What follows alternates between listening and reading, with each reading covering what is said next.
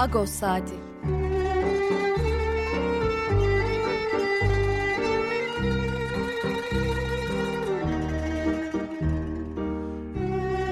Haftalık Agos gazetesinin penceresinden Türkiye ve Dünya gündemi. Agos'un mutfağından haberler, söyleşiler, olaylar.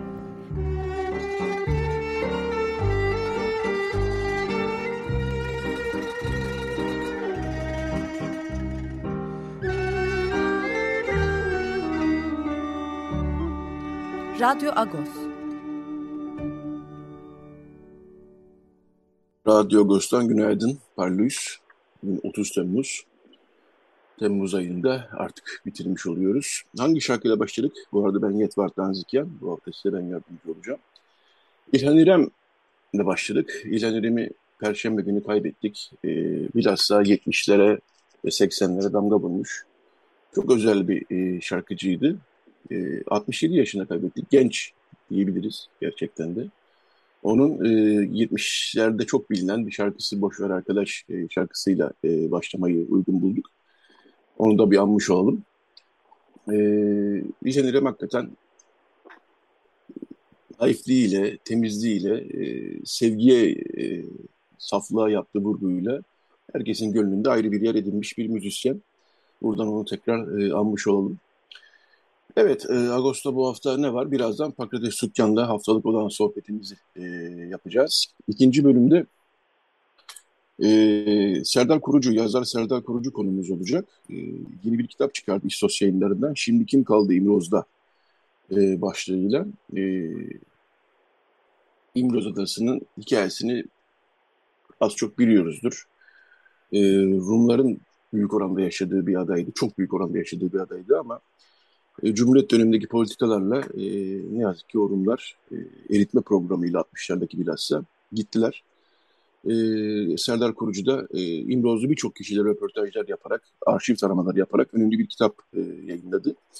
Kurucu ile kitabını konuşacağız. Son bölümde de avukat e, ve eski CHP milletvekili Selina Doğan konuğumuz olacak. Onda da Azınlık Vakıfları Seçim Yönetmeliği bir hukukçu vasfıyla konuşacağız daha çok Selina Doğan'la azınlık vakıfları seçim yönetmeliğini e, etrafında dönen tartışmaları konuşacağız. Dün akşam Patrik Maşal'dan da bir açıklama yayınladı, yazılı bir açıklama yayınladı.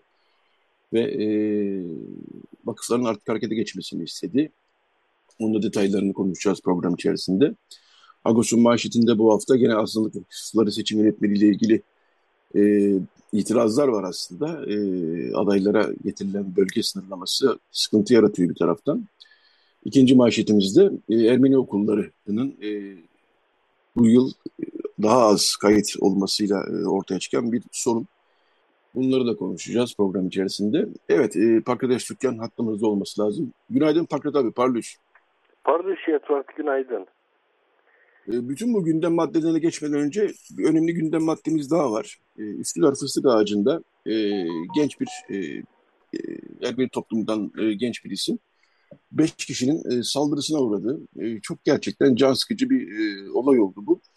E, bir kişi, yanında eşiyle yürüyen bir kişi, e, Arlen Demirhan'a sen benim eşime mi baktın, e, yan baktın diyerekten saldırıyor. Daha sonra dört kişi daha çağırıyor ve toplamda beş kişi bu gencecik çocuğa acımasızca saldırıyorlar. E, Arlen Demirhan hastaneye kaldırılıyor.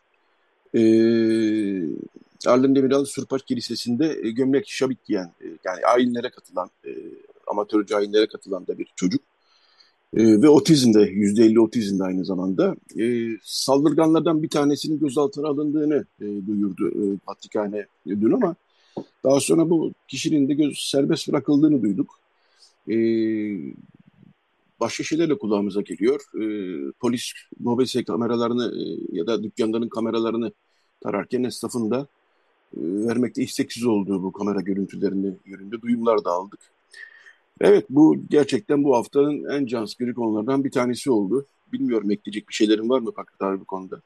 E, ekleyeceğim şey çok dikkatimi çeken hemen Şurkaç Vakfı'nın yaptığı açıklama. E, Şurkaç Vakfı e, alelacele bir açıklama yaptı. Dedi ki e, bunun ırkçı bir saldırı olduğuna dair bir emare yoktur.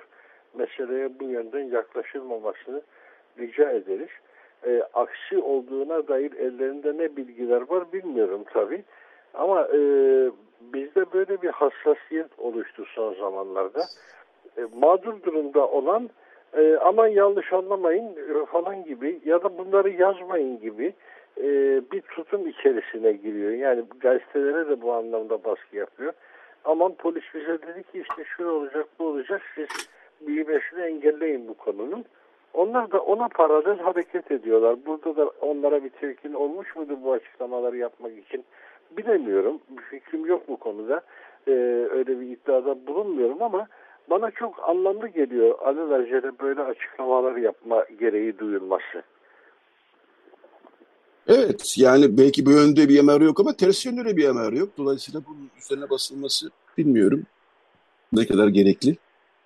Ama sonuç olarak e, Arlen Demirhan'ın ciddi biçimde yaralandığı ortada. E, işin e, peşini bırakmamak lazım. Çünkü e, dediğim gibi %50 otizmli bir çocuktan bahsediyoruz. E, bir e, genç bir çocuğa beş kişinin e, topluca girişip ağır biçimde dövmelerinden bahsediyoruz. E, nereden bakarsanız bakın hayli e, can sıkıcı ve e, derin bir şekilde araştırılması gereken bir konu. E, Arlen Demirhan'a e, ve ailesine de geçmiş olsun diyoruz buradan. Umalım ki e, emniyet güçleri bu işi bir sonuca vardırırlar ve bu işi yapanlar da yargıyla etkili e, gerekli yaptırımlara. Bütün, mesele de burada ya e, sevgili Yetvar. E, Türkiye'de içinde yaşadığımız koşullarda e, artık birçok şeye karşı büyük tereddütlerimiz var. Yani sokakta bir Suriyeli dövüldüğü anda bunun kapılarında ne olduğuna dair hemen bir kanaatimiz var. Veya bir Ermeni benzer bir şekilde durduk yerde hemen hemen e, böyle bir saldırıya uğradığında ne olabilme ihtimaline dair gene e, şartlanmalarımız var. Bunların sağlıklı değerlendirmeler olmadığını ben de biliyorum. Şartlanma olduğunu ben de biliyorum ama e, bu şartlanma kendiliğinden oluşmadı. Bir iklim bizi bu böyle şartlanmalara doğru yönlendirdi. Esas mesele zannediyorum ki burada. Şimdi polisin de burada ne elde edeceğine dair çok fazla bir e, beklentim olamıyor ne yazık ki. Ya da o bekle, e, elde edilenlerin nasıl değerlendirileceğine dair de bir beklentim olamıyor. Yani biz çok ağır saldırıların savcılık tarafından hemen e, örtbas edildiğine tanık oluyoruz. E, hastanede adam e, doktoru darp ediyor ve tutuklanmıyor bir şey olmuyor. Salı veriyorlar gidiyor. İfadesini alıyorlar salı ediyorlar. Burada da işte bir genci dövmüşler. E ne olmuş dövmüşler? Hastaneye gitmişler. Ameliyatlık olmuş adam. Ameliyat olmuş çocuk. E, böbreklerinden hasar olmuş oluşmuş çünkü. E, ama bütün bunlar ne ifade edecek? E, çok fazla bir şey bilmiyoruz. Evet. E, bu haftanın azınlık vakıfları yönetmenini konuşacağız e, bu programın son bölümünde. Diğer maaşlarımızı konuşalım istersen biraz. Fakret abi. E, Okullar okul müdürleri, değil mi? Okul müdürleri bu hafta e, bir tehlikeye dikkat çektiler. E, Getronaga'dan gelen bir açıklamada e, kontenjanın dolmadığı vardı. Diğer okullar da e, mezunlar sayısında düşüş olduğunu söylediler ve şöyle bir durumu e, bu bir süredir var böyle bir durum. Ortaokulun son iki senesinde velilerin e, öğrencilerini, e, çocuklarını Ermeni okullarından alıp hani yet, yeter yettiği kadar okudu Ermeni okulunda şimdi artık kolejci okusun. LGS sınavına bir kolejci hazırlansın ve orada devam etsin düşüncesiyle olsa gerek diyorlar. E, ortaokulun son iki sınıfında e, kolejlere e, yazdırdıklarını ve LGS sınavına oradan e, girdiklerini, soktuklarını söylüyorlar ve okul müdürleri diyorlar ki e, bizim okullarımız da kolejler kadar iyi eğitim veriyor. Hatta çoğu okulumuz kolejlerden daha iyi eğitim veriyor. Yani bu Ermenice, e, Ermeni okullarına yönelik bir e, mesafenin nedenini anlamakta zorlanıyoruz. Ve böyle olduğu zaman da e, mezun sayımız düşüyor, öğrenci sayımız düşüyor diyorlar. E, bir sıkıntı, bir tehlike zaten e, epeydir var. Gitgide kronikleşiyor, öyle gözüküyor. Sen de bu hafta Ermeni sayfalarda köşe yazını bu konuya ayırdın biliyorum. Neler söylersin? Valla belki de hiç söylemesem daha iyi olur. Çünkü neden böyle oluyor sorusunun cevabını ben e, oldukça sert koyuyorum galiba. E, yaralayıcı da olabilecek şekilde koyuyorum. Çünkü öfkeliyim de bu konuda. E, o yazının zaten birinci sayfadaki anonsunda da yoz burjuvalaşma, burjuvalaşma yozlaşması diye e, bir ifade kullanmıştım. Yazının içeriği de o minvalde gidiyor. E, artık insanlar bu kararları alırken çocukların hangi okula gideceği yönünde karar alırken e, başka türlü fikirlerin etkisi altındalar. E, yani bir burjuva tutumu var burada. Daha vahim olanı da o okullara giremeyen çocukların e, Ermeni okuluna kaydedilmesi durumunda da bu sefer okulun müfredatına müdahale etme gibi e, şu şu dersleri Ermenice yapmayın sınavda bunların soruları Ermenice sorulmayacak gibi saçma sapan argümanlarla e, okulu baskı altına alma girişimleri var. Bunlar konusunda e, şimdi değil yıllardan beri çok öfkeliyim çünkü e, bu bizim okullarımızın anlamını ve amacını çarpıtan bir yönelme. E, bu yönelme dediğim gibi e, eğer çocuğu Alman lisesine mesela kaydolsaydı e, siz matematiği Almanca öğretmeyin sınavda Almanca sormayacaklar mı diyecekti. Hayır demeyecekti. Fransız okuluna kaydetse ama Fransızca öğretmeyin e, Türkçe öğretin üniversite sınavında sorular Türkçe geliyor mu diyecekti. Bunu da demeyecekti.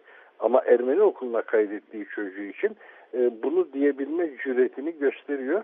Daha vahim olan da Ermeni okullarının yöneticileri e, bu baskılara boyun eğiyorlar. Öğrenci kaybetmeme adına bu baskılara boyun eğiyorlar.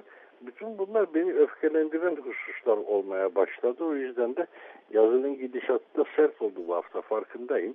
E, ama dediğim gibi e, çarpık bir zihniyet e, büyük bir sabotaj uyguluyor aslında.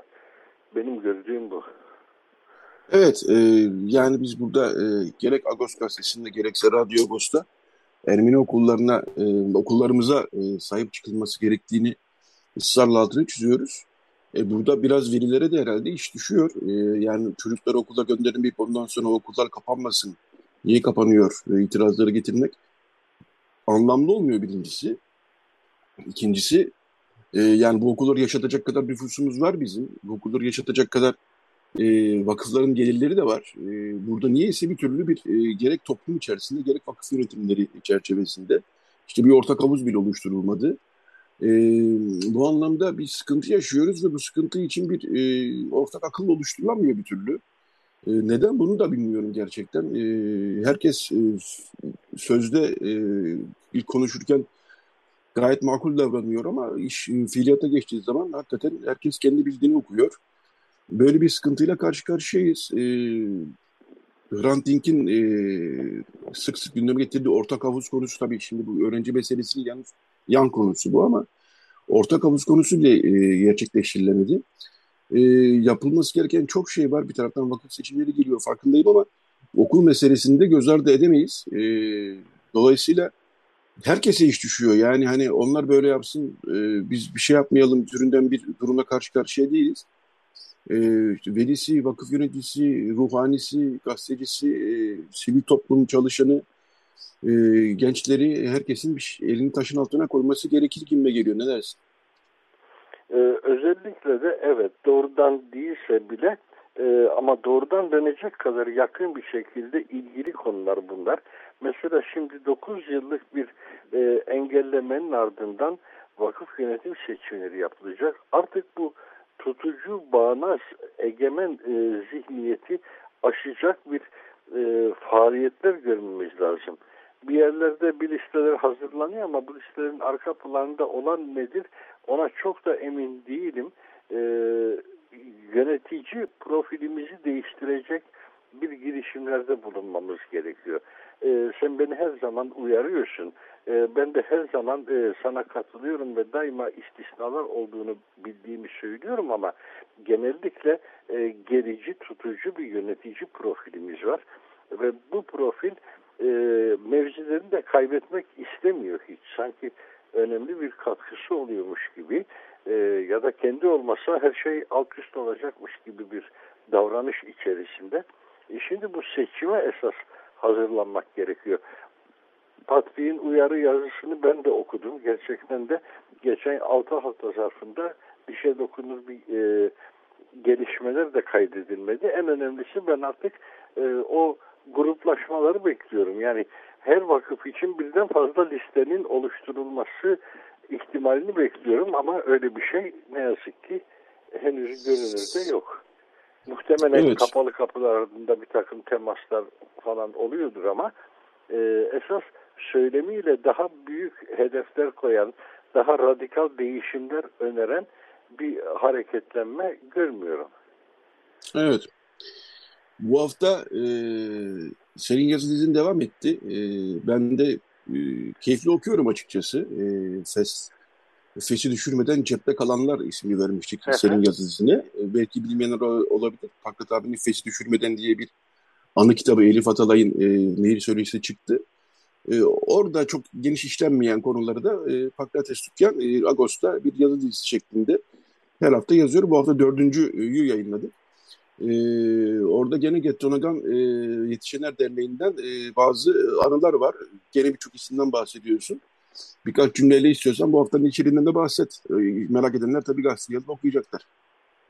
Bu dernek meselesini önemsiyorum çünkü dernek meselesi İstanbul Ermeni toplumunun sivil toplum örgütü sayılabilecek belki de yegane yapılanması. Ee, oldukça demokratik bir işleyişe sahip. Yönetimleri e, dernek üyelerinin seçimiyle belirleniyor ve bu seçimlerde e, yönetime gelmek çok zor bir şey değil. Yani birkaç sınıf organize olsa, bir liste hazırlasa bu listenin dernek yönetimine girmesini kolayca sağlayabilirler. Ee, ama son yıllarda bu konuda da bir şey yok. Oysa ben gençlik yıllarımda hatırlıyorum e, değişik fraksiyonlar dernek yönetimini ele geçirmek için 2-3 listeyle e, seçimlere giriyorlardı. Her grubun e, hem de bir politik kanatlanması vardı. Aynı üniversitelerdeki e, öğrenci derneklerinin seçimleri gibi politize bir atmosfer vardı. O politize atmosfer dönemin e, Ermeni yöneticilerini falan çok rahatsız ediyordu. Ama onunla beraber gelen bir düşünce bereketliliği vardı, düşünce çeşitliliği vardı. E, bugün bu kelimeler artık lanetli kelimeler gibi kullanılıyor. Cumhurbaşkanı e, sanki çok kötü bir şeymiş gibi bunlar ideolojik deyip duruyor ama o ideolojik dediğimiz şeyin arka planı hakikaten çok değerliydi. Bir düşünce, bir tutum, bir davranış, bir e, yaklaşım ifade ediyordu. Şu anda bunların çoğunu kaybettik. Dernekler de aynı şekilde işlevsizleştiler. E, bu da çok hayıflanmamız gereken bir şey. Önemli bir kayıp. Çünkü dediğim gibi o dernekler e, küçük bir toplum olan, Türkiye geneli içerisinde küçük bir toplum olan Ermeni toplumunun yegane kültürel nefes alıp verebilme alanlarıydı.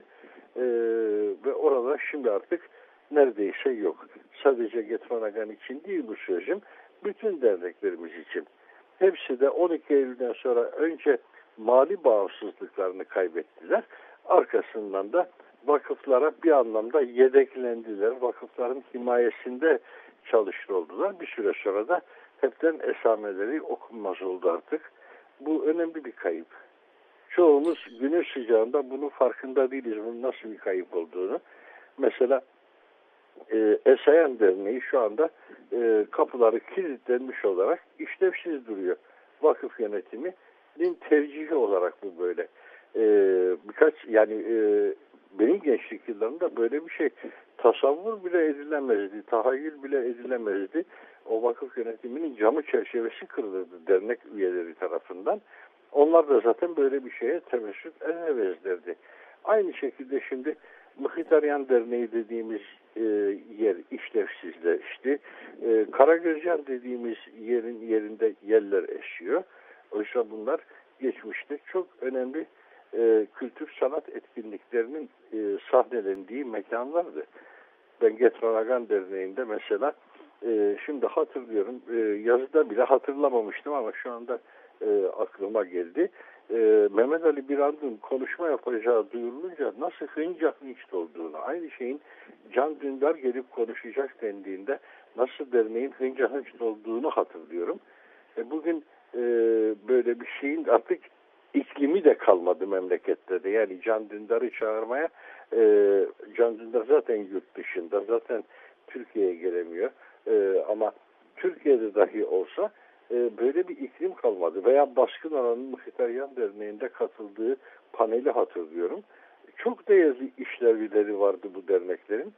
Şu anda bunların hiçbiri e, faal değil. E, bu da büyük bir kayıp. Toplum adına çok büyük bir kayıp. Evet. E, son bir iki dakikamız kaldı. Onlara ben biraz Agos'un içeriğinden bahsedeyim. E, Arlen Demirhan'ın uğradığı saldırıyı e, anlatmıştık zaten. Vakıf seçimlerine dair de Avrupalıların önergesi var. Bu bölge sınırlama, adaylar için getirilen bölge sınırlamasını yine Kültür Bakanı Ersoy'a soruyor. Böylece vakıflar yöneticisiz kalacaklar diyor. E, bir özel röportajımız var. Onu da ben e, anlatayım birkaç cümleyle. Yıllar önce Yerevan'dan, çok uzun yıllar önce Yerevan'dan Ukrayna'ya göç etmiş Ruzanna Naumenko, Ukrayna'daki savaş nedeniyle tekrar bir süre için daha doğrusu Yerevan'a dönme hazırlıkları yapıyor ve bugünlerde Türkiye'deydi. Vartanes Sükyan da onunla bir e, röportaj yaptı Ruzanna Naumenko ile. Çok çarpıcı e, sözleri var. E, iki ülkem var diyor. E, Ukrayna ve Ermenistan ve ikisi de savaşta diyor ve bir göçmen olmanın e, trajedisinden, sıkıntılarından bahsediyor. Bu röportajı da e, tavsiye ediyorum. Sait Çetinoğlu'nun bir yazısı var arka sayfamızda. İskender Ünvan Antak Ermenilerinin 1939'da e, Türk e, göç etmelerini ve onların mallarının satılmasına dair bir arşiv araştırması Sait Çetinoğlu'nun yazısı. E, dolayısıyla Agos e, her zamanki gibi bu haftada dolu dolu diyoruz. Evet Pakrat abi bu haftada e, ilk bölümün ve seninle yaptığımız olan sohbetin e, sonuna geldik. E, evet. Çok teşekkürler e, yayına katıldığın için. Rica Sıcak bir hafta sonu bekliyor İstanbul'u. Pekala. Sıcak bir hafta sonu bekliyor İstanbul'u. Herkese e, dikkatli olmalarını tavsiye ediyoruz. Evet, e, teşekkürler Pakrat abi. Haftaya görüşmek üzere. Görüşmek üzere yeter. Görüşmek üzere. Sağ olasın. Evet bu bölümü e, bir İlhan şarkısıyla daha kapatalım. E, anlıyoruz e, İlhan İrem'i. E, hakikaten e, çok özel bir sanatçıydı. E, onun e, 88'de çıkardığı e, albümden bir şarkıyla e, bu bölümü kapatacağız. Daha sonra Radyo Agos reklam arasından sonra devam edecek bir konumuz Serdar Korucu olacak. İlhan İrem'in İşte Hayat e, Sessizde Yaşanıyor şarkısını dinleyelim. Daha sonra bir reklam arası, daha sonra Radyo Agos devam edecek. Evet, Radyo Agos devam ediyor. Ne dinledik? Nikoteini. E, Lavta'dan Nikos Papayorgu, e, kanunda Asinet Fotini Kokala'dan oluşan bir ikili sık sık konuk sanatçılar alıyorum performanslarına. E, burada da e, Maria Seytanidi'yi dinledik. Şarkının ismi Parepiato Dromosu. E, yoluna devam et diye çevirebiliriz e, şarkıyı. E, yani bir ayrılık şarkısı tabii bu her zamanki gibi e, çoğu zamanki gibi, aşk şarkılarında olduğu gibi. Evet, e, Radyo Agos'un bu bölümünde e, Serdar Korucu konuğumuz. E, Serdar Korucu e, çalışkan bir yazar gerçekten. E, bilhassa Türkiye'deki azınlık toplumların tarihçelerine dair e, çok sayıda kitabı var. E, oralardan biliyoruz Serdar Korucu. Yeni bir kitap çıkardı. E, kitabın ismi Şimdi Kim Kaldı İmroz'da. E, Mutlular alt başlığı var. Mutlular Adası'ndan Yasak Bölgeye. E, yani İmroz Gökçeada olarak biliniyor artık e, ama gerçek adı İmroz. İmroz'da e, Rum toplumunun e, nasıl e, göç etmek zorunda kaldığı diyelim e, ne dair bir çok sayıda röportajdan oluşan bir kitap. Bir de arşiv taraması var tabii kitabın başında ve bir e, tarihsel perspektif yazmış Serdar Kurucu gayet de faydalı. Günaydın Serdar, hoş geldin yayınımıza. Günaydın, çok teşekkürler. Öncelikle bu ta güzel takdim için de e, kitabı da konuk ettiğiniz için çok çok teşekkürler. Biz teşekkür ederiz. Eline sağlık. E, kitabı e, büyük bir merakla okumaya başladım aslında. E, yarısına kadar geldim aşağı yukarı ve bilmediğim çok şey öğrendim. İlgililer tabii biraz daha detaylı bilgi e, sahibiler. Yani İmroz'daki Rumların aslında göç etmeleri için özel oluşturulmuş bir e, devlet tarafından özel oluşturulmuş bir e, plan olduğunu biliyoruz aslında ama sen bunun hangi detaylı biçimde işlemişsin? çok da iyi yapmışsın. Ee, daha da genel e, baktığımız zaman da işte İmroz Rumlar var, kal vardı ve gittiler basitinde bir algı var ne yazık ki Türkiye'nin belli bir kesiminde. Sen bunun da altını e, bayağı bir e, araştırmışsın. E, şöyle başlayalım. E, çok e, kab, e, baş belli başlı 3-4 kırılma noktası var. E, öyle anlıyorum. E, birincisi e, adanın e, 1920'lerde e, yani diğer adalar e, Yunanistan'da kalırken Lozan e, münakaşalarında işte Türkiye'nin işte orası Çanakkale Boğazı'nın çıkışı Gökçeada ve Bozcaada yani İmroz tabii o zaman İmroz ve Bozcaada Türkiye'de kalmalı diye diretmesi ve uluslararası toplumunda o zaman oraya özel bir yönetim atamalısınız şartıyla adaları Türkiye'ye bırakması. Fakat bu özel yönetim bir türlü olmuyor. Olmayınca da e, birçok ilk göç orada oluyor e, bildiğim kadarıyla. Daha sonra ama aslında 1960'larda başlayan bir e, Adalı Rumların eritme planı dedikleri bir plan var ve işte oraya e, Türkiye, Yunanistan, Kıbrıs vesilesiyle e, atmosferin sertleştir, sertleşmesiyle e, Adana Rumlardan neredeyse arındırılması gibi bir plan var. Ben çok uzatmayayım. E, birkaç e, kırılma noktasının sen nasıl sayarsın? Ee, çok güzel aslında abi e, başını e, işaret etmiş olduğunuz gibi anlatmak mümkün. Hani en başta e, Lozan öncesinde bir Osmanlı'nın elinden çıkıyor, Yunanistan idaresine giriyor. Sonrasında Osmanlı'ya iade edilse mi edilmese mi tartışmaları oluyor. Arkasından Lozan'la işte dediğiniz gibi özellikle e, Gelibolu Harekatı'nda Çanakkale Savaşı sırasında itilaf güçlerinin aslında üst kurması nedeniyle de e, bunu gerekçe göstererek e, Ankara e, adayı alıyor. İmroz'u ve Tenedos'u, Gökçeada ve Bozcaada'yı. Böyle bir aslında hikayesi var adanın el değiştirme sürecinde. Aslında bu süreç e, ehvenişer olarak düşünebiliriz bölge açısından. Çünkü işte büyük çatışmalar oluyor Ege'de. Büyük e, bayağı işte kanlı topraklar dedikleri işte Dido Sotirio'nun da eserinde olduğu gibi e, büyük bir facia yaşıyor aslında e, yüzyılın başında, geçen yüzyılın başında bölge. Hani bundan aslında ehvenişer sıyrılıyor ada. Adanın felaketi işte o dönüm noktalarında gerçekleşiyor. 1950'ler aslında e, pek çok hani Hristiyan ve Yahudi toplum için olduğu gibi İmroz'da da gayet yumuşak geçiyor. E, en rahat dönemini belki yaşıyor. Çünkü e, Rumca eğitim başlıyor adada. E, büyük bir ferah var. Okullar açılmaya başlandığında İstanbul Rum toplumunda büyük bir coşku var. E, ve biz bunu görebiliyoruz ve aslında da herkes geleceğini e, çok rahat e, görüyor. E, elbette ekonomik sorunlar her zaman var, her zaman baki. Osmanlı döneminde de ada için bu söz konusuydu ama hani göç hiçbir zaman zorunlu olmayacak. 1960'lara kadar. 60'larda ne oluyor? Darbe e, ee, 60'ların başında en başta bir değişim görmüyoruz ama özellikle 64, 63, 64 itibariyle eritme programı devreye giriyor. Eritme programı ne dersek işte adayı Rumsuzlaştırmak. Bu arada ben özellikle Rumsuzlaştırma terimini kullanmak istiyorum çünkü e, ada sadece Türkleştirilmeyecek. Adaya Kürtler, Araplar, e, herkes gelecek. Yani Anadolu'daki e, Sünni Müslüman toplumdan büyük bir aslında göç yaşanacak e, adaya. Çünkü orada terk edilmiş evler, tırnak içinde terk edilmiş evler olacak ve herkes aslında bu süreçte payına düşeni e, yine burada tırnak içinde alma yarışına evet. girecek ne yazık ki. E, 63-64'te nasıl oluyor Rumsuzlaştırma süreci? Hani bunu aslında üç adımı var. Birincisi en temel aslında hani gitme nedeni olacak üç nedeni var. Birincisi işte Rumca eğitimin sona erdirilmesi. Türkçe eğitime dönüyor. Bu sayede e, adada Rumca eğitim kalmayınca adadaki Rumlar geleceklerini, çocuklarının geleceğini orada görmemeye başlıyor bir.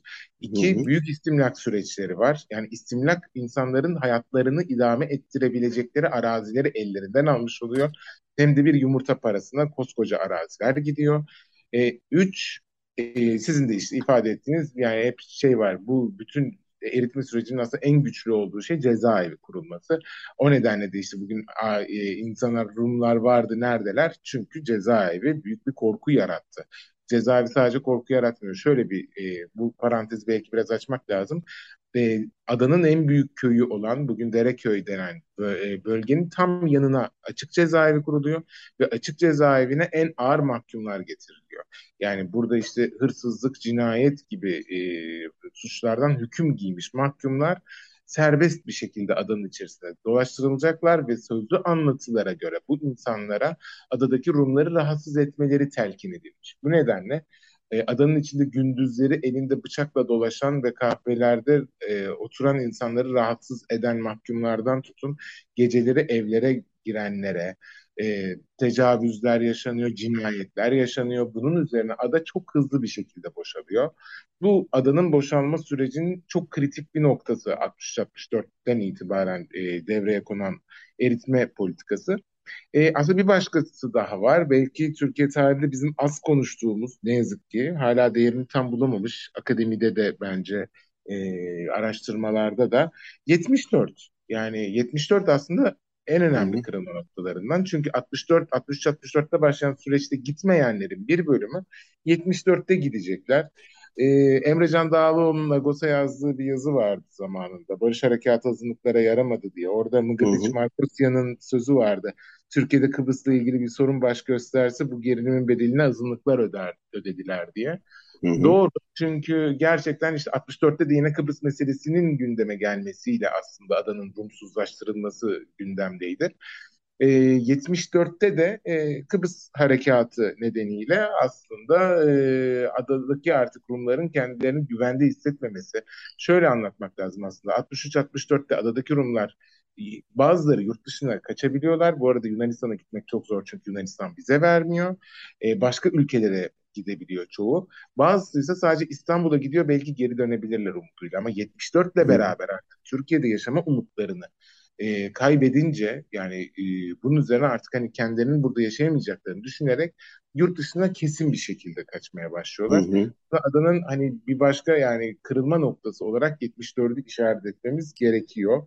Onu da atlamamak lazım bence. Evet. Sonra e, uzun zaman zaten ada boş kalacak. Yani 300 kişiye kadar düşecek. Yani 80'lere kadar, 90'lara kadar neredeyse. Adadaki hani e, Lozan döneminde 9 bin olan, Cumhuriyet'in ilk dönemlerinde 7 binde yaklaşık sabit kalan adanın Rum nüfusu 80'lere doğru geldiğimizde 80'ler 90'lar arasında 300 kişiye kadar düşüyor ne yazık ki. Evet, e, bu arada bir not da ekleyelim. Biz bilenler var ama belki bilmeyenler de olabilir. Ekümenik Patrik, e, Rum Ortodoks Patriği Bartolomeos'un memleketi e, İmroz Adası. Zaten evet. onun da röportajında da diyor.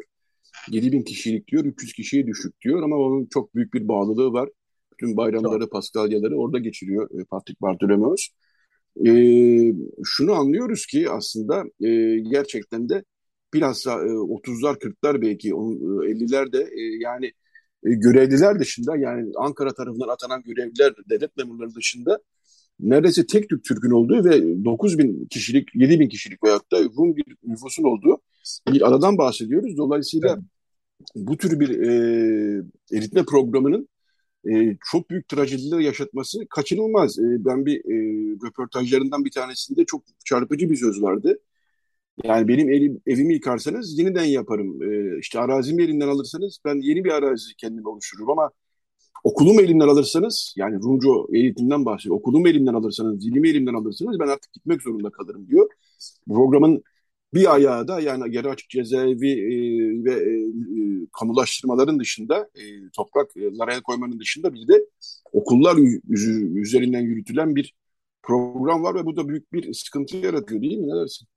Tabii ve yani işin trajik yanlarından biri hani Türkiye Cumhuriyeti'nin kurucu anlaşması olarak görülen Lozan Anlaşması'nda çok açık bir şekilde hem bölgenin idaresi aslında e, net bir şekilde konmuş, tartışmaya mahal bırakmayacak şekilde bir e, özel bir yönetiminin özel bir yönetiminin olması gayet net vurgulanmış. Bir iki e, zaten e, Rum okulunun açık olması da yine Lozan'ın maddelerinden birisi İstanbul'a e, uygulanan şey e, İmroz'a uygulanmıyor yani e, bunun aslında trajik bir yanı var ha bugün mesela okul açık 2000'lere gelindiğinde işte e, hem kitabın da danışmanı olan e, çok sevgili Lucky Wingas'ın zaten sayesinde de oldu kitap. Onun da e, kitap, e, okulun açılmasında da önemli girişimleri vardı. E, okulun şu anda açık olması e, geleceğe dair nispeten bir umut taşımamıza neden olabilir. Ha, tabii ben hiçbir zaman optimist taraf değilimdir. Çünkü adada bugünkü artık nüfus 500 kişi yaklaşık. E, Rum nüfus. Hani o nedenle elbette geçmiş günlerin geri dönmeyeceği aşikar. Ama en azından bugün Rum nüfusun orada okuyabilmesi, geleceğini görebilmesi, en azından genç nüfusun gidebilmesi, artık oranın bir emekliler adası olmasından çıkarılması açısından tabii ki çok önemli değere sahip. Ekümenik Patriğin bu arada yani tabii e, adını anmadan olmaz sizin de sayenizde. Şimdi Ekmenik Patrik Hazretleri'nin katılımı çok değerliydi çünkü e, İmroz'a olan büyük bir aşkı, sevgisi, bağlılığı var. E, ayrıca da yani işte kitabın adı da aslında kendisinin ifadesi. Şimdi kim kaldı İmroz'la? O büyük e, gelenekleri, görenekleri, e, ananeleriyle yaşayan toplumun e, yok oluşuna dair aslında bir söz bu. Çünkü bayramlarda artık o kutlamalar yok, o nüfus yok. O nüfus olmayınca o kutlamaları kim yapacak? e, üzerinden aslında bir serzeniş. E, aslında alt başlık da bu arada belki onu da biraz açmak lazım. E, Mutlular Adası'ndan e, yasak bölgeye bu aslında edebiyat atıfı içeriyor. E, Mutlular Adası Azra Erhat'ın bir sözü, yasak bölge Sevgi Soysal'ın sözü. E, Azra Erhat, e, Melih Cevdet Anday, Petin Naciler yani pek çok isim aslında adadan geçiyor 1960'larda çok turistik başında. Çok çok turistik bir ada İmroz. Özellikle işte e, edebiyatçılar için böyle bayağı bir e, akına uğramış bir ada. E, ama e, aydın sessizliği vardır ya Türkiye'de. Felaketler geldiğinde çok fazla evet. insan sesini çıkartmaz. Öncesi çok coşkuyla yazarlar ama felaketler karşısında bir suskunluk geliverir herkese. Sevgi Soysal bunu biraz yırtıyor. Yani Yürümek kitabında çok değerli bence. İmroz'un askerileştirilmesi, yasak bölgeye dönüşmesi, işte o Azra Erhat'ın çizdiği 60'ların başındaki antik çağda Mutlular Adası olarak görülen yerin aslında İmroz olabileceğini ve insanların e, fakir, yoksul ama e, çok mutlu insanlar olduğu bu yerin nasıl askerileştirildiği 60'lardan itibaren e, buna çok sert bir aslında atıfta bulunan bir e, eser Sevgi Soysal'ın. Bana ilginç gelen Sevgi Soysal'ın biz Yürümek kitabını hiç bu açıdan çok fazla incelememiştik. Çok fazla okumamıştık. Çok fazla e, öne çıkmamış. Bu bana evet. ilginç geldi. Çünkü normalde aydınların bu tip e, işte edebiyatçıların, akademisyenlerin böyle toplumsal felaketler karşısında sert tepki koymaları ne yazık ki az oluyor Türkiye'de. E, Sevgi evet. Soysal bu sessizliği yırtmış isimlerden. Hani bence o nedenle çok değerliydi. O nedenle özellikle de başlığa koymak istedik. E, ee, de, seni, buyur sen söyle. İşte ana dil e, yasağını e, bir de güzel bir atıftı sizin de yaptığınız. E, şu yanı var mesela okuyucu için e, bu çok trajik herhalde. O ana dil yasağı ilk geldiğinde bir an, bir iki anlatı da var. O bana e, böyle bugünleri ve biraz öncesinde yani 90'ları da yani çok e, anımsattı o yani ana dil tartışmalarında ana dil yasağı gelince, ana dilde eğitim olmayınca mesela e, insanlar e, meyve sebze sepetlerinin altına Yunanca kitaplarını koyup okulda henüz adadan gönderilmemiş olan öğretmenlerin evlerine gidiyorlar ve e, orada eğitimlerini sürdürüyorlar. Mesela bu çok trajik bir anlatıydı. E, yani hem öğretmenler açısından bunu e, konuştuk hem öğrenciler açısından konuştuk. Yani e, bu zorlu süreçlerden şimdi bugün neyse ki artık okulun açıldığı bir döneme geldik ama Patrick'in de dediği gibi şimdi kim kaldı İmroz'da? Evet. Bu arada e, senin kitabın girişinde çok geniş bir arşiv taraması yapmasın. Çok da hakikaten iyi olmuş, faydalı olmuş. Yani kısa bir tarihçesi gibi. Ee, orada şu dikkatimi çekti. 60'larda tabii Kıbrıs meselesi yüzünden e, sertleşme politikası başlayınca e, devlete yakın, e, basın neredeyse tamamı devlete yakın zaten. Devlete yakın yazarlar İmros halkını suçlayan e, yazılar yazıyorlar ve aslında basın çok da ilgisiz değil ama negatif anlamda ilgili İmroz'da. Evet. Aradan 20 yıl geçtikten sonra e, ve tabii o 60'lardaki bu yazılar, haberler adanın e, göçte hızlanmasını etkili oluyor tabii. Aradan 20 yıl geçince 80'lerde e, aşağı yukarı tekrar bir orası keşfediliyor ve o zaman oraya giden e, gazeteciler çok daha naif duygularla, temiz duygularla giden gazeteciler fakat e, tarihi çok iyi bilmedikleri için belki de ya bu ada bomboş bir sürü boş ev var niye acaba türünden yazılar yazmaya başlıyorlar. E, yani adadaki e, ıssızlaşma, ıssızlık ve e, evlerin boş kalması 80'lerde e, gazetecilerin ilgisini çekmeye başlıyor ama hakikaten arkasında çok büyük bir trajedi var bu işin. Şunu da eklemek istiyorum ben. E, senin başta yaptığın bu tarama da e, çok kıymetli bir işler yapmışsın ve e, edebiyat eserlerinde nasıl geçiyor e, İmroz? E, onu da e, geniş bir taramayla onları da siyasi e, tarihçinin içerisine yedirmişsin. Bu da çok e, önemli olmuş bence. E, son 2-3 dakikamız e, Serdar. Tamam. E, şimdi bir e, tekrar bir pozitif bir atmosfer var adayla ilgili. Okullar açılıyor filan. E, şimdi durum nedir adada? Birkaç cümle onu alalım istersen. Tabii yani adada şimdi evet nispeten daha olumlu bir hava olduğunu söylemek mümkün yani ama e, bunu bu olumlu havayı hani 80'lere kıyasla belki hani 80'lerden önceki işte 60'lar 70'lere mukayeseyle 60'ların ortasına itibarenki sürece göre elbette daha olumlu bir hava olduğunu söylemek mümkün ama hala şöyle sorunları var. Belki onların altını çizmek lazım. Bir, mesela e, İmroz'dan 60'larda 70'lerde giden ve bugün artık diasporada yaşayan insanlar Türkiye Cumhuriyeti erkekler özellikle Türkiye Cumhuriyeti vatandaşı değiller. Çünkü askerlik yapmadıkları için, yapamadıkları için daha doğru ifadeyle e, olmayınca bu sefer çocuklarına miras bırakamıyorlar babalarının, dedelerinin evlerine. E, öldüklerinde, vefat ettiklerinde e, kız kardeşler varsa onlara kalabiliyor. E, eğer sadece erkek kardeş varsa e, yani onu çok hızlı satmak zorunda ve mülkiyet edinemiyor.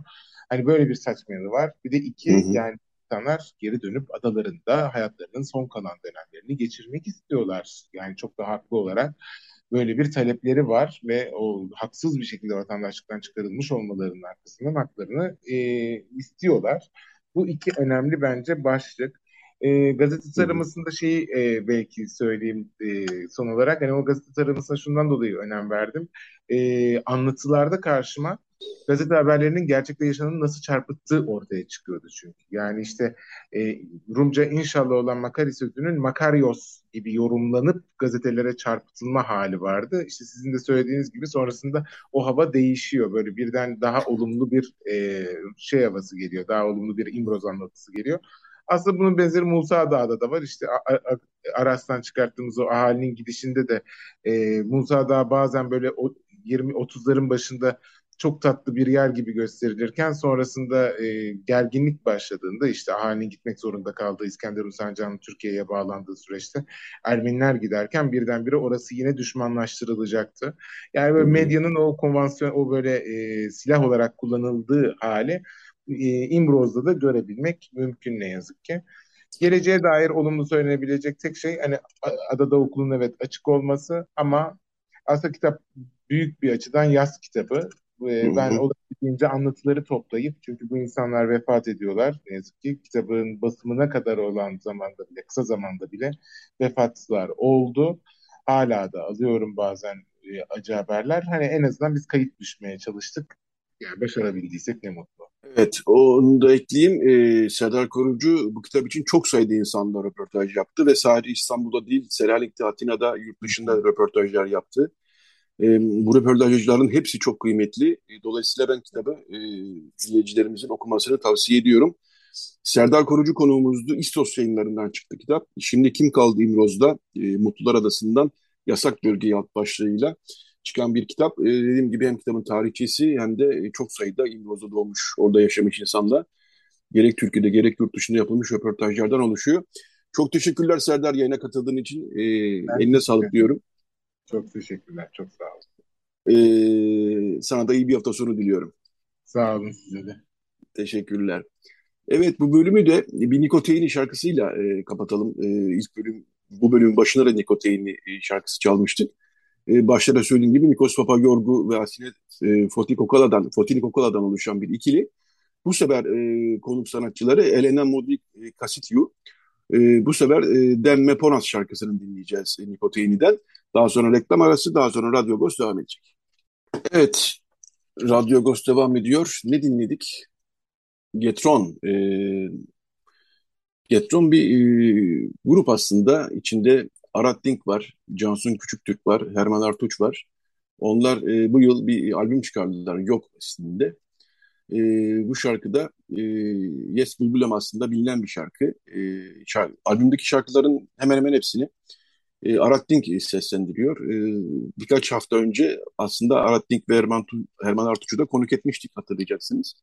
Onların Geton albümü e, hoş bir albüm oldu gerçekten. Arat'ın da böyle bir müzisyen e, yönü olduğunu da öğrenmiş olduk. Sesi de gayet e, güzel. E, oradan e, Yes Bulbulem'i dinledik. E, bunun e, sözlerini Atabek Kıngoyan, e, Kıngoyan yazdı. E, müzikte Romanos Melikyan'dan, e, bestesi de Romanos Melikyan'dan. E, dediğim gibi bilinen bir şarkı. Evet, Radyo Agos'un bu bölümünde e, avukat, hukukçu e, ve eski CHP milletvekili Selina Doğan e, konuğumuz. E, onunla azınlık vakıfları seçim yönetmeliği etrafında dönen tartışmaları biraz konuşacağız. E, Selin Hanım hatta mı acaba? Evet birazdan e, hatta olacak Selin Hanım.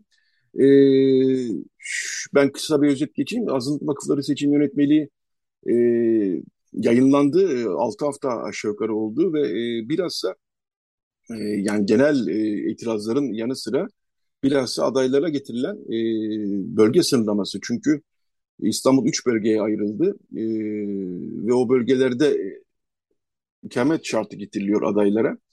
E, yani sadece kendi oldukları bölgelerde e, ki vakıfların yönetimlerine aday olabilecekler. Birçok vakıf yöneticisi e, bunun çözülmesini bekliyor aslında Vakıflar Genel Müdürlüğü tarafından.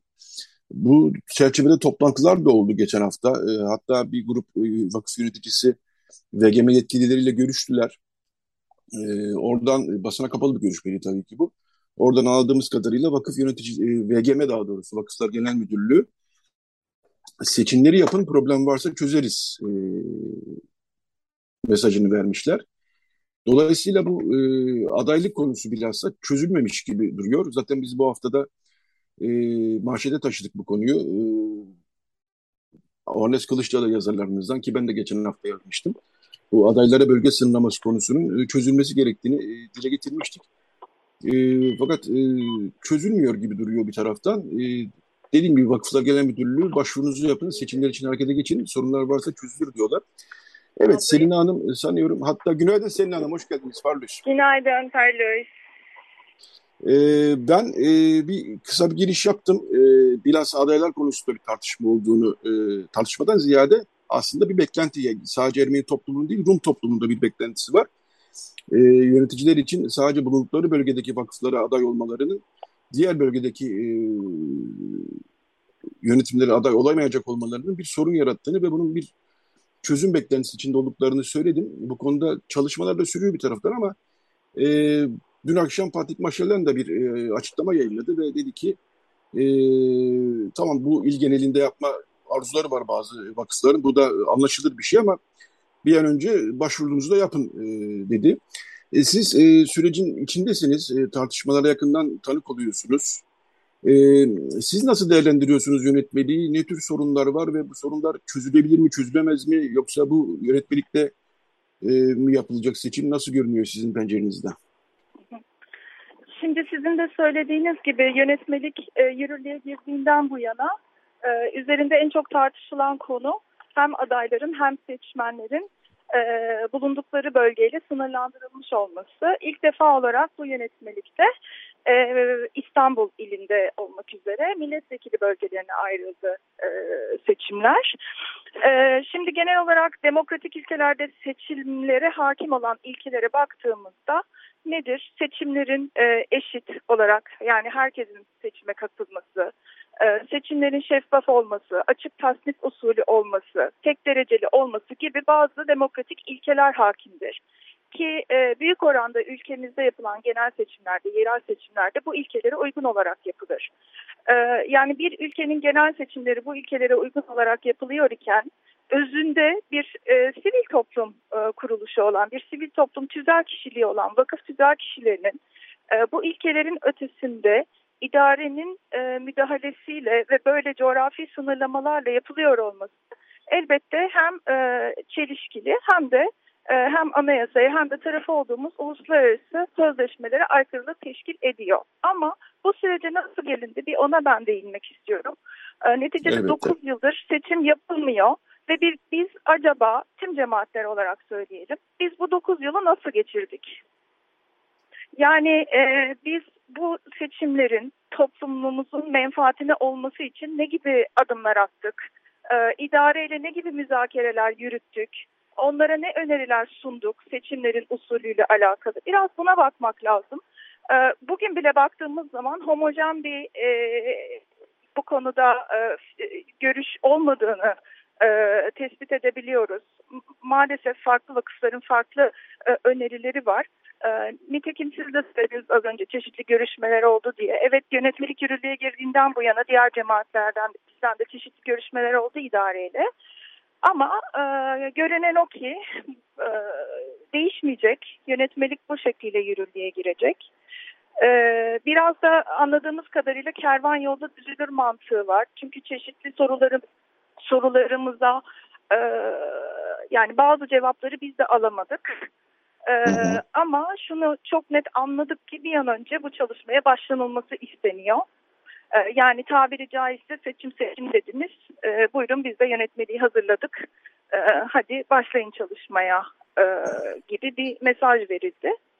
E, dolayısıyla e, şu anda öyle görünüyor ki bir an önce çalışmalara başlamak gerekiyor. Öte yandan coğrafi sınırlama nasıl bir mağduriyet yaratacak diye tekrar düşündüğümüzde ne yazık ki özellikle kişi sayısı az olan ama e, hayratı ve vakıf sayısı fazla olan e, Rum toplumunda e, öyle görünüyor ki aslında Yahudi toplumunda da böyle bazıları için e, adalar için özellikle öyle görünüyor ki aday çıkaramayacaklar. Bu sadece sınırlamadan da kaynaklanmıyor. Bir de aday sayısı var biliyorsunuz Yetvat Bey. Aday evet. sayısı 7 e, e, artı 4 işte e, yedek üyeyle beraber e, büyük vakıflarda cemaati çok olan vakıflarda da salt çoğunluk kadar artırılabilir diyor. Bu aday sayısı da biraz zorluyor. Çünkü bu kadar kişinin aday olması hani çok mümkün görünmüyor özellikle bazı yerlerde. Ha bunu şöyle gidermeye çalışmış yönetmelik diyor ki aynı yerde üç tane vakfı aday olabilir e, yöneticiler. Hı hı. E, ama bu da yine bölgeyle sınırlı. Yani aynı bölgede evet. üç vakfa aday olabiliyorlar. Hani bu bakımdan da mağduriyet yaratıyor. E, ama e, öyle görünüyor ki müzakereler şu anda olumlu bir sonuç vermeyecek. Hatta yargı yolu her zaman tabii ki söz konusuydu ama ülkedeki yani geçmişte e, yönetmelikle ilgili e, yürütülen yargı pratiğine baktığımızda, şu an Türkiye'de yargı sistemine baktığımızda, davaların yürütülme hızına baktığımızda e, bunun artıları eksileri ne olur? Ayrıca tüm cemaatleri etkileyecek tabii bir dava açıldığında hani onu da düşünmek lazım. E, onu çok iyi tartmak lazım. Belki bir 5 yıl daha 10 yıl daha atacak e, o zaman hı hı. seçimler daha mı iyi olur? Yani onu çok iyi e, düşünmek gerekiyor açıkçası ama dediğim gibi şu anda bir an önce e, seçmenlerin özellikle güncellenmesi ve çalışmalara başlanılması yönünde beklenti var. Evet, e, biz bunu tabii e, Ağustos'ta ve Radyo Ağustos'ta e, ağırlıklı olarak Ermeni toplumu açısından e, tartışmakla beraber sık sık Rum toplumunun, Yahudi toplumunun, Süryan toplumunun görüşlerine de yer veriyoruz. Zaman zaman bağlantılar yapıyoruz. E, dün mesela ben e, Yahudi toplumundan hukukçu e, Esther Zonana'nın makalesini okudum. O da diyor ki e, yine aynı soruna e, parmak basıyor ve diyor ki mesela bizim Büyükada'da bir vakfımız var diyor. Buraya ancak e, birinci bölgede e, yani Av, e, Anadolu yakasında oturanlar e, aday olabilirler diyor. Halbuki diyor e, Yahudi toplumun büyük kısmı ikinci bölgede yani Şişli e, ve, ve civarında oturuyorlar diyor. Şimdi oraya bizim e, aday bulmamız e, ki yani 7 kişi bir de ikinci bir liste olduğunu olacağını düşünecek olursak mantıken 14 kişilik 20-25 kişilik e, isimler gerekiyor oraya ve bu en basit bir örnek. Rum toplumu için de aynı şey geçerli. Tabii. Bu biraz sanıyorum e, Ermeni toplumu, e, Ermeni vakıfları daha doğrusu bu yönetmelik hazırlanmadan önce bir toplantı yaptılar ve biz bölgesel sistem istiyoruz diye vakıflar genel müdürlüğüne görüş bildirdiler e, biraz Ermeni vakıflarının da biraz yani bizim toplumun vakıflarına biraz payı var işte sanıyorum. Ama herhalde sonucunun böyle olacağını düşünmediler. Yani bölgesel seçmen açısından belki bölgesel sistem olması bir anlamlı. Çünkü bazı vakıflar bütün meselelerden çıktı. Bazı vakıflar hiç seçmen olmayan e, bazı vakıflar, Ermeni vakıfları 3-5 kişi toplayıp seçim yapıyorlar. Bir semt bazında seçim yapıyorlar. Onu, evet. onu engellemek için bölgesel sistem önerildi ama şimdi daha da içinden çıkılmaz bir durumla karşı karşıya kaldık. Dediğim gibi sadece Ermeni toplumu için değil, Rum ve Yahudi toplumları için de aynı şey söz konusu. Rum toplumunun temaslarından nasıl bir sonuç çıktı bilmiyorum. Patrik Maşaller'in dün akşam yaptığı açıklamada e, bir cümle e, ilginç. Yani il bazında seçim yapmak isteyenler ki bu bahsettiğimiz sorunları aşacak bir sistem aslında. İl bazında seçim yapmak isteyenlerin talepleri anlaşılır ama e, yine de bir an önce başvurularını yapmaları lazım tabii, diyor Patrik Maşalyan. Ben, ben de öyle, öyle anlıyorum ki düşünüyorum. Öyle ee, anlıyorum ki yani belirli bir, bir uzlaşı, belirli He. bir diyalog e, çerçevesinde e, bu müzakerelerin yürütülmesi gerekiyor. Yani çünkü amaç e, üzüm yemek, bağcıyı dövmek değil. E, neticede zaten yapılması gereken e, prosedürler var. Onları yerine getirip bir yandan da mağduriyetleri e, diyalogla, yapıcı bir diyalogla dile getirmek gerekiyor. E, Evet, biz bu hafta e, Tıbbi Bank'tan Toros Alcan'la da röportaj yaptık. O da biz müzakerelere başladık, ilerliyoruz diyor ama öyle anlıyorum ki il seçim yapmak isteyenler de bir yeşil ışık görüp ondan sonra başvuruda bulunmak istiyorlar gibi anlıyorum. Eğer ya, doğru anlıyorsam. Burada böyle bir belirsizlik ve bekleyiş hali var. Sanıyorum Patrik Maşal'ın da buna e, dair bir e, açıklama yapma ihtiyacı duymuş. Önce başvurularınızı yapın ve süreç ilerlesin Doğru. türünden bir doğru, açıklama doğru, olduğunu düşünüyorum. Doğrusu da o, doğrusu da o. Ee, yani çok çeşitli mağduriyetler var. Şimdi düşündükçe aklıma geliyor. Örneğin Gökçeada'da Rumlar açısından biliyorsunuz bir Yunanistan'dan bir topluluk getirildi. Orada bir Rum ilkokulu açıldı hatırlarsanız 5-6 yıl önce. Mesela onların da e, bu e, okuma yazma belgesi e, ibraz edemedikleri için aday olamayacakları anlaşıldı. Yani orada yeterli sayıda insan var ama e, onlar da başka e, yönetmeliğin e, talep ettiği kriterleri sağlayamadıkları için aday olamayacaklar. Yani aslında e, bu coğrafi sınırlama ve e, diğer e, sınırlamalar evet mağduriyet yaratıyor. E, ama işin özüne baktığımızda bu vakıflar nedir? Nedir? Yani neticede e, hayratlar kim içindir, bu mülkler kim için fayda sağlamaktadır diye baktığımızda aslında e, elbette ki tüm e, yani İstanbul'da ikamet eden cemaat için fayda sağlamaktadır. Değil mi? Yani biz e, Kumkapı'da oturmuyorsak da Anadolu yakasında oturan bir kimse Kumkapı'da doğmuş, büyümüş, orada vaftiz olmuş, orada evlenmiş, e, oradaki derneğe hala katkı sunuyor olabilir. Dolayısıyla elbette ki orada oy kullanabilmelidir. Yani işin özüne, e, hukuki menfaatine baktığımız zaman e, aslında elbette ki il geneline açılması gerekir. Ama dediğim gibi biz bu süreci nasıl geçirdik, bunu nasıl anlattık, anlatabildik mi? Yani biraz da onun üzerinde düşünmek gerekiyor. Evet, pazartesi günü bu arada unutuda düşeyim bir toplantı olacak. E, Vakıflar Birliği, Ermeni evet, Vakıflar Birliği bir toplantı olacağım. düzenlenecek. Evet. Siz de sanıyorum katılacaksınız. Başka hukukçular evet. da katılacaklar tahmin ediyorum. Yani şöyle seçim Burada tertip herhalde... heyetinde görev alan tüm hukukçular katılıyor olacak. Setrak Bey, Ömer Kantik Bey. Hı hı. Siz de aslında e, Ermeni toplumu içinden e, yapılan e, tercihte seçim tertip heyetine seçildiniz. Ama fakat bu tabii daha vakıflar gelen müdürlüğü tarafından e, onaylanmadığı için bu e, görevinize evet, şimdilik açıkta bulunamıyoruz. diyor ki seçim tarihi vakıflar, mevcut vakıf yönetimleri seçim tarihi alacaklar. E, defterlerine kaydedecekler, karar defterlerine ve o seçim tarihiyle beraber e, aday gösterdikleri seçim tertip heyeti isimlerini de e, Vakıflar Bölge Müdürlüğü'ne verecekler diyor. O yüzden henüz resmileşmedi isimlerimiz. Evet, e, sanıyorum toplantıda e, seçmen listeleri de konuşulacak. E, öyle anlıyorum. E, evet, aslında burada bir sıkıntı, burada ben bir sıkıntı görüyor musunuz? bizi dinleyen e, cemaat mensuplarına e, bunu iletmek istiyorum müsaadenizle. Şimdi yönetmelikte Tabii. biliyorsunuz e, seçim tarihinden geriye doğru 6 ay e, süresince ilgili yerde ikamet etme şartı var. E, tabii pek çoğumuzun E-Devlet şifresi var artık.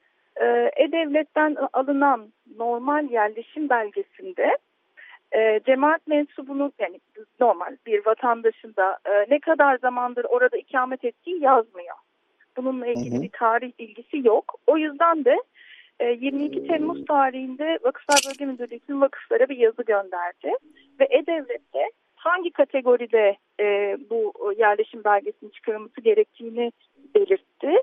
Orada e, nüfus idaresi tarihçeli yerleşim belgesi diye bir kategori var.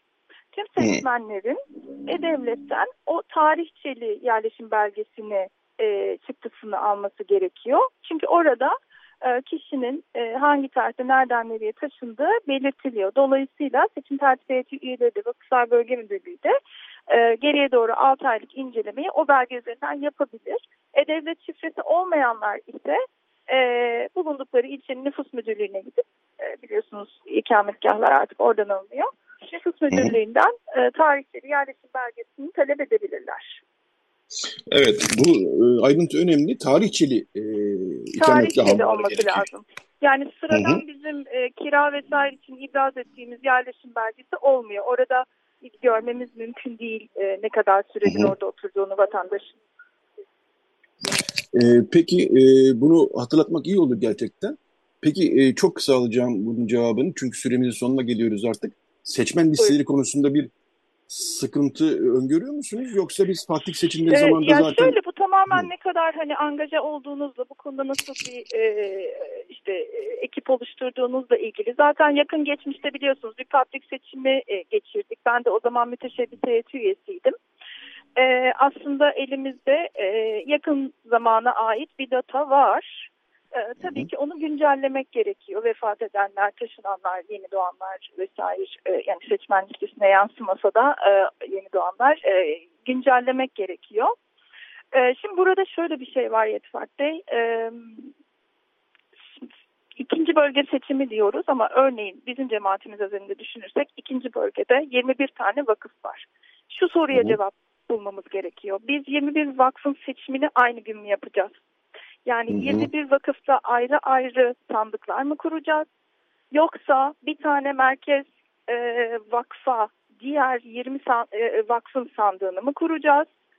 E, seçmenler 21 ayrı lokasyonu mu dolaşacak? Ya da 21 ayrı günde e, oy mu kullanacak ki hani imkansız bu. Yani burada e, seçmenler açısından oy verme oranını düşürmeyecek. Ama aynı Hı hı. zamanda da tabii ki lojistik olarak e, mekanın işte şartlarına uygun olarak da e, bir formül bulmak gerekiyor.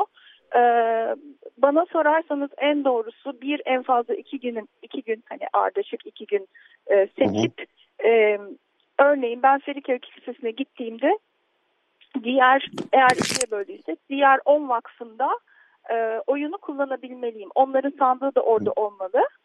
Onların e, adaylarının listesi de orada asılı olmalı. Ve ben Feriköy'e gittiğimde diğer 10 vakfında e, yönetici adaylarına oy verebilmeliyim. Usul ekonomisi Hı hı. açısından. E, Evet. Şimdi e, böyle yaparsak seçmen listelerini de e, tüm vakıfların her bir vakıf kendi seçmen listesini güncelleyip sonra onlar bir araya getirilip vakıflar bölge müdürlüğüne verilebilir. Çünkü e, tek bir vakıf kendi seçmen listesini verirse bu yeterli olmayacak. Hı hı. Çünkü bu hı. seçimde o vakfın seçmen listesi bütün ikinci bölge.